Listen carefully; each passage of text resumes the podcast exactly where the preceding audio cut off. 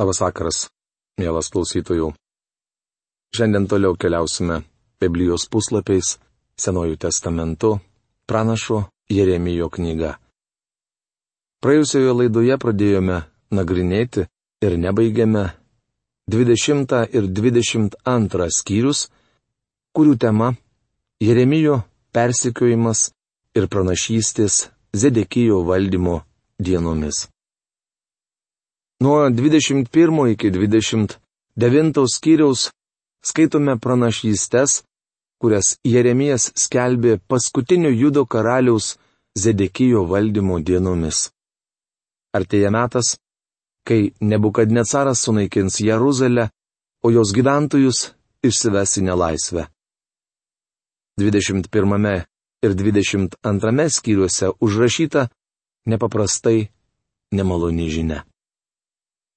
Prieš pradedami šventojo rašto aiškinimą ir norėdami geriau jį suprasti, paveskime savo širdis Dievui ir paprašykime, kad Jisai padėtų mums. Tėve mes tau dėkojame, kad šį vakarą, kaip esame pratę, galime susirinkti prie savo radio imtuvų, kad išgirstume tave prabylantį į mūsų širdis iš šios šventos knygos kurioje yra išreikšta tavo valia žmonijai. Meldžiame, kad tavo dvasios vedami mes galėtume nukeliauti tuos tolimus laikus ir suvokti, suprasti tai, ką tu norėjai pasakyti tuo metu žmonėms pranašo lūpomis. Ir padėk mums, tėve, suvokti, kaip šiandien tas praeitie pasakytas žodis turėtų būti pritaikytas kiekvienam iš mūsų. Dėkojame tau kad tu esi ištikimas visame kame. Viešpatės Jėzaus vardu melžiame tavo pagalbos. Amen. Taigi atsakymas Zedekijui dėl nebukadnecaro. Jeremija pasiekė viešpaties žodis, kai karalius Zedekijas atsiuntė pas jį Malkijos sūnų pažūrą ir Maasėjo sūnų Sofoniją paprašyti, prašom pasiteirauti viešpati dėl mūsų, nes Babilono karalius nebukadnecaras mus puola. Gal viešpats pasielgs su mumis, kaip elgėsi darydamas visus savo nuostabius darbus ir nebukadnecaras nuo mūsų pasitrauks. Jeremijo knygos 21 skyriaus 1-2 eilutės. Įdomu, kad patekęs į rimtą bėdą, Zedekijas atėjo pas vyrą, kuris skelbė Dievo žodį. Jis nepasikliovė pažhūrų ir jo žmonėmis, tai yra nesikreipė pagalbos į organizuotą religiją. Šiandien dauguma mūsų šalies gyventojų priklauso liberalioms bažnyčioms, tačiau klausosi Biblijos mokymo per radiją. Keista bet jiems atrodo, kad šie du dalykai suderinami. Brangus bičiuli, ištikus bėdai, paguodą rasite tik Dievo žodyje. Zedekijas kreipėsi į Jeremiją, tačiau paguodo žodžių neišgirdo. Jeremijas pranešė jam, kad jei Judas neatsigręš į Dievą, nebukadnecaras užims ir sunaikins Jeruzalę pranašas nebandė išsisukinėti, bet klojo visą tiesą. Šiai tautai sakysi, taip kalba viešpats, žiūrėkite, duodu jums pasirinkti arba gyvenimo kelią, arba mirties kelią. Jeremijo knygos 21 skyriaus 8 eilutė. Šiandien tą patį Dievas sako apie išgelbėjimą, kurį jis suteikia viešpatyje Jėzuje Kristuje. Dievas sako, jog atidavė savo sūnų, kuris prisėmė bausmę už jūsų nuodėmes. Numirė už jūs ir prisikėlė, kad jūs išteisintų. Taigi jame suteikiamas išgelbėjimas. Tikriausiai jums kyla klausimas, kaip mes atsidūrėme jame šventosios dvasios krikštu įtikėję Jėzų Kristų kaip savo gelbėtoje. Įtikėjęs jį žmogus tampa Dievo vaiku. Dievas sako, štai tokį kelią aš jums siūlau. Galite priimti jį arba atmesti. Duodu jums pasirinkti gyvenimo arba mirties kelią. Dievas su ašaromis maldauja savo tautą atsigręžti į jį. Judo žmonės galėjo rinktis - pasilikti mieste ir mirti, arba pasiduoti Babilono karaliui ir gyventi. Kas tik pasiliks šiame mieste, tas mirs nuo kardo, bado ir maro. Bet kas išeis pasiduoti chaldėjams, kurie jūs supa, tas išliks gyvas ir išgelbės bent savo gyvybę. Atsigrėžiau į tą miestą jo nelaimiai, o ne geroviai. Tai viešpatie žodis. Jis bus atiduotas į rankas Babilono karaliui, kuris sunaikins jį ugnimi. Jeremijo knygos 21 skyriaus 90 eilutės. Tačiau karalius Zedekijas nepaklausė Dievo. Jis buvo silpnavalis žmogus ir blogiausias iš visų karalių, todėl nesigrėžė į viešpatį. Tikriausiai Zedekijas mane, juk Dievas neleido nebukad necarui sunaikinti šio miesto, kai soste sėdėjo Jehojakimas, o jis buvo neką geresnis už mane. Tad kodėl dabar tai turėtų atsitikti? Paklausykite apie bausmę Jehojakimui. Man rodos visame šventajame rašte nėra kraupesnės bausmės už tą, kuri užrašyta 22 šios knygos skyriuje. Ši bausmė yra baisesnė už tą, kurią Dievas skelbė Kainui ar viešpats Jėzus Judui. Tačiau šie gazdinantys žodžiai yra ir viena iš įstabiausių pranašyščių visame šventajame rašte. Prieš paskelbdamas bausmę Konijui arba Jehojachinui, Jeremijas pirmą išpranašavo bausmę jo tėvui Jehojakimui, kuris taip pat buvo blogas valdovas, nors jo dienomis kraštas klestėjo. Tuo metu turtuoliai dar labiau turtėjo, o vargšai dar labiau skurdo.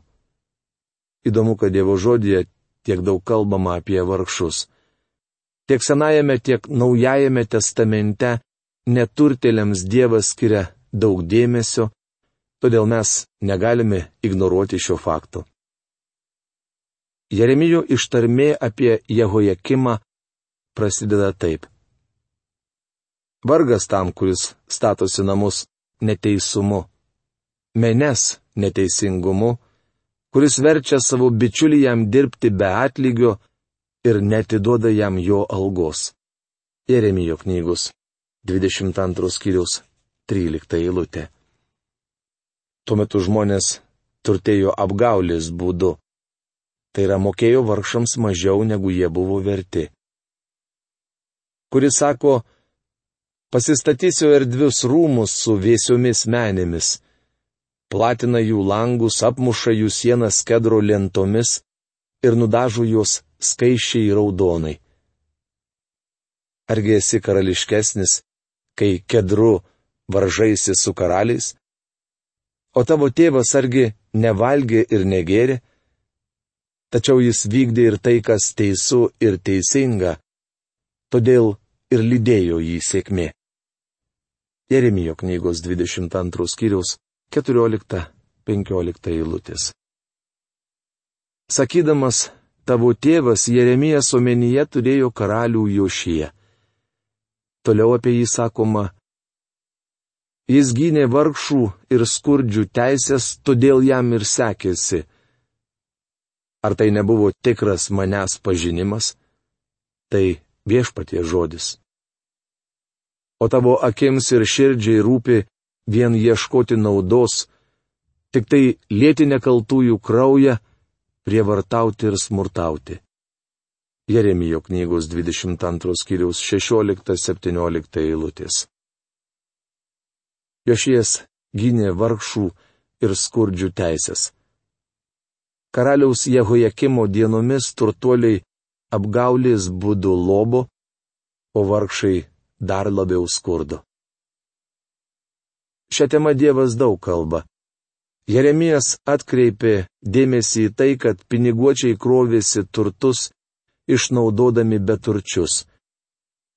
Išdidus ir arogantiški ponai statėsi rūmus ir gyveno taip, tarsi Dievas būtų užmiršęs, kokiu būdu jie susikrovė turtus. Apaštalas Jokūbas savo laiško penktos skyriaus pirmoje, trečioje eilutėse rašo. Nagi dabar jūs, turtuoliai, verkite ir raudokite dėl jūsų laukiančių negandų. Jūsų lobiai supuvę, jūsų drabužiai kandžių sukapoti. Jūsų auksas ir sidabras surudėjo ir jų rūdys prieš jūs liudys.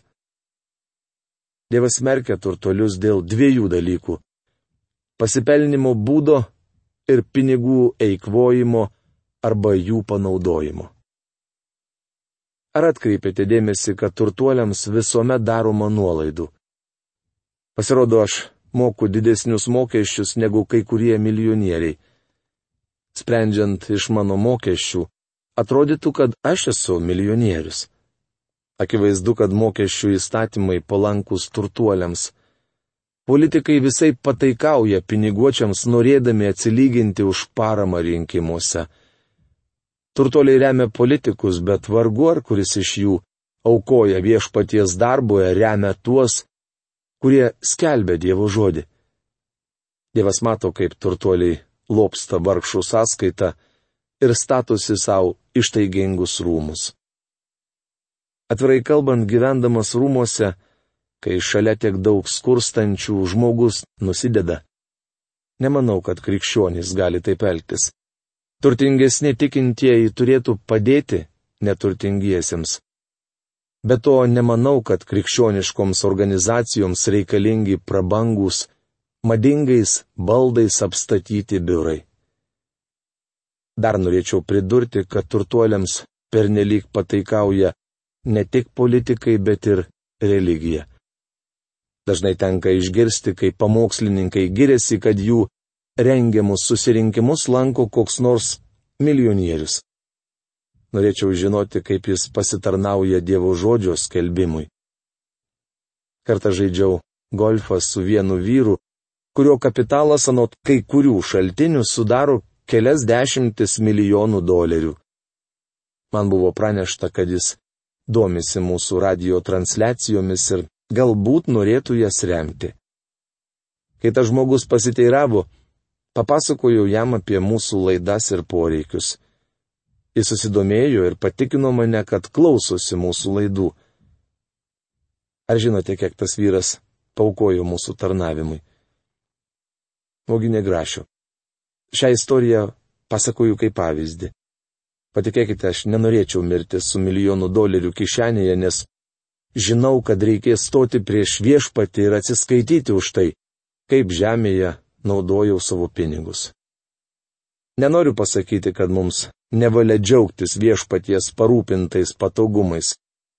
Tačiau duodamas turtų Dievas tikisi, kad juos naudosime jo šloviai. Jis gynė vargšų ir skurdžių teisės. Ar tai nebuvo tikras manęs pažinimas? Tai viešpatie žodis. Dievas sako, Jošijas pažinojo mane ir žinojo, kad sekdamas mane negali paminti vargšų ir beturčių teisių. Dievas sako, jog jam rūpi šie žmonės. Tikriausiai žinote, kad Evangelijos žinia sunkiausiai pasiekia labai turtingus ir labiausiai nuskurdusius žmonės. Dievas nori ištaisyti šią neligybę, nes trokšta, kad visi išgirstų Evangeliją ir būtų išgelbėti. Jis nori, kad patys turtingiausi žmonės padėtų labiausiai nuskurdusiems. Jam rūpi, kad klausydami Dievo žodžio būtų išgelbėti ir vieni, ir kiti. Šiandien pagrindinė Amerikos socialinė problema yra ne rasių ar klasių kova, bet turtuolių ir vargšų klausimas. Jei nebūtų atsiradę tokio didelio skirtumo tarp turtuolių ir vargšų, per pasaulį nebūtų nusiritusi komunizmo banga. Dievas sako, jog baus tokią neligybę. Ir paskutinė šios dienos pastraipa - tai bausmė konijui. Toliau skelbiama nepaprastai kraupi ir žiauri bausmė konijui kaip aš gyvas, tai viešpatie žodis, net jeigu Jehojakimo sūnus Konijas, judo karalius, būtų anspaudo žiedas ant mano dešinės, net nuo ten jį nuplėščiau. Atiduosiu tave į rankas tiems, kurie ieško tavo gyvybės, į rankas tiems, kurie tau kelia siaubą, į rankas Babilono karaliui Nebukadnecarui ir chaldėjams. Jeremijo knygos 22 skyrius 24-25 eilutės. Čia kalbama apie karalių Jehojakiną, kuris dar buvo vadinamas Jehoniju. Tikriausiai jums įdomu, kodėl Dievas šį žmogų vadina Koniju. Taip yra dėl to, kad pirmasis jo vardo skiemuo Je reiškia Jahvi. Dievas sako, aš neturiu su šiuo vyru nieko bendro. Toliau jis pridurė, meščiau jį į šalį, net jei jis būtų žiedas ant mano piršto. Ar šis žmogus, konijas nėra podas, šlamštas skirtas sudaužyti, indas, kurio niekas nenori?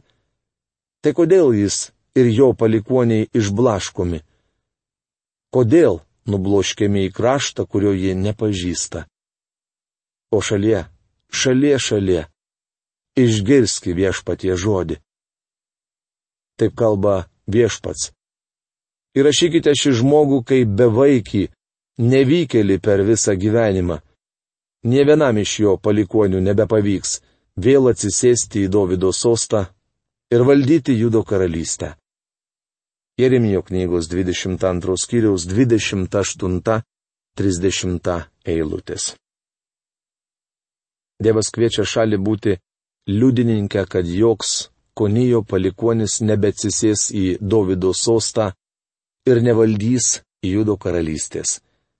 Tai viena iš priežasčių, kodėl Juozapas negalėjo būti Jėzaus tėvas. Matote, Juozapas buvo kilęs iš Jehonijo giminystės linijos, o Dievas sakė, kad joks Jehonijo palikonis neatsisės į Davido sostą. Ar tai reiškia, kad nuo to laiko Davido sostas bus apleistas?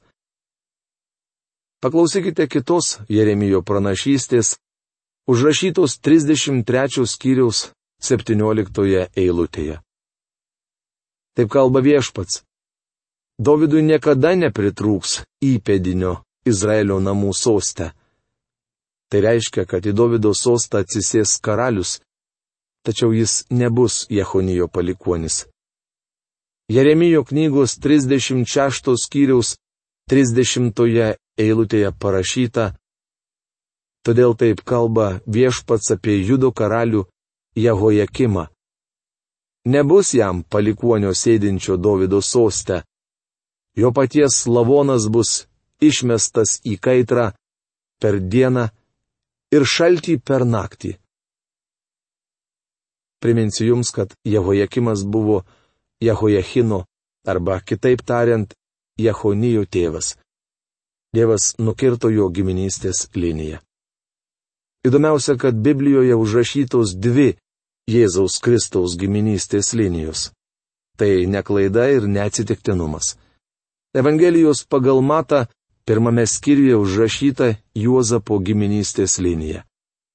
Jie eina per Dovydą, Saliamoną ir Jehoniją. Juozapo giminystės linija suteikė Jėzui įstatymiškai patvirtintą teisę į sostą, tačiau Juozapas nebuvo Jėzaus tėvas, tai yra Jėzus kilo ne iš šios giminystės linijos. Antroji Jėzaus genealogijos linija užrašyta Evangelijos pagal Luką trečiame skyriuje nuo 23 iki 38 eilutės. Tai Marijos giminystės linija einanti ne per Saliamoną, bet per kitą Davido sūnų Nataną. Ši giminystės linija neprakeikta ir nepasmerkta. Kaip žinote, viešpats Jėzus Kristus gimė iš mergelės, tai yra jis atėjo į pasaulį per Marijos giminystės liniją, kur jam suteikė kraujo ryšių patvirtintą teisę į Davido sostą. Tai vienas iš nuostabiausių dalykų, koks tik yra buvęs šiame pasaulyje. Štai kodėl Dievas kviečia šaliai liudyti, o šalie, šalie, šalie, išgirsk viešpatie žodį. Kostas burbulys Jeremijo knygos 22 skyriaus 29 eilutę verčia taip. O žemė, žemė, klausykis viešpatie žodžių. Dievas nori, kad žemė matytų, kuo viskas baigėsi. Niekas nesuardys Dievo tikslų. Kaip matome, jis gali nubausti, ką tik tai nori. Visgi Dievas įstengė išpildyti pažadą, kad ateityje pasirodysiantis Mesijas bus karaliaus Davido palikuonis. Šiais žodžiais noriu užbaigti šių skyrių apžvalgą. Kitoje laidoje mes nagrinėsime 23 ir 24 skyrius, kurių tema - ryškiai šviesa tamsią dieną ir palyginimas apie dvi pintines feigų. O šiandien mūsų laidos laikas baigėsi. Iki greito sustikimo. Sudė.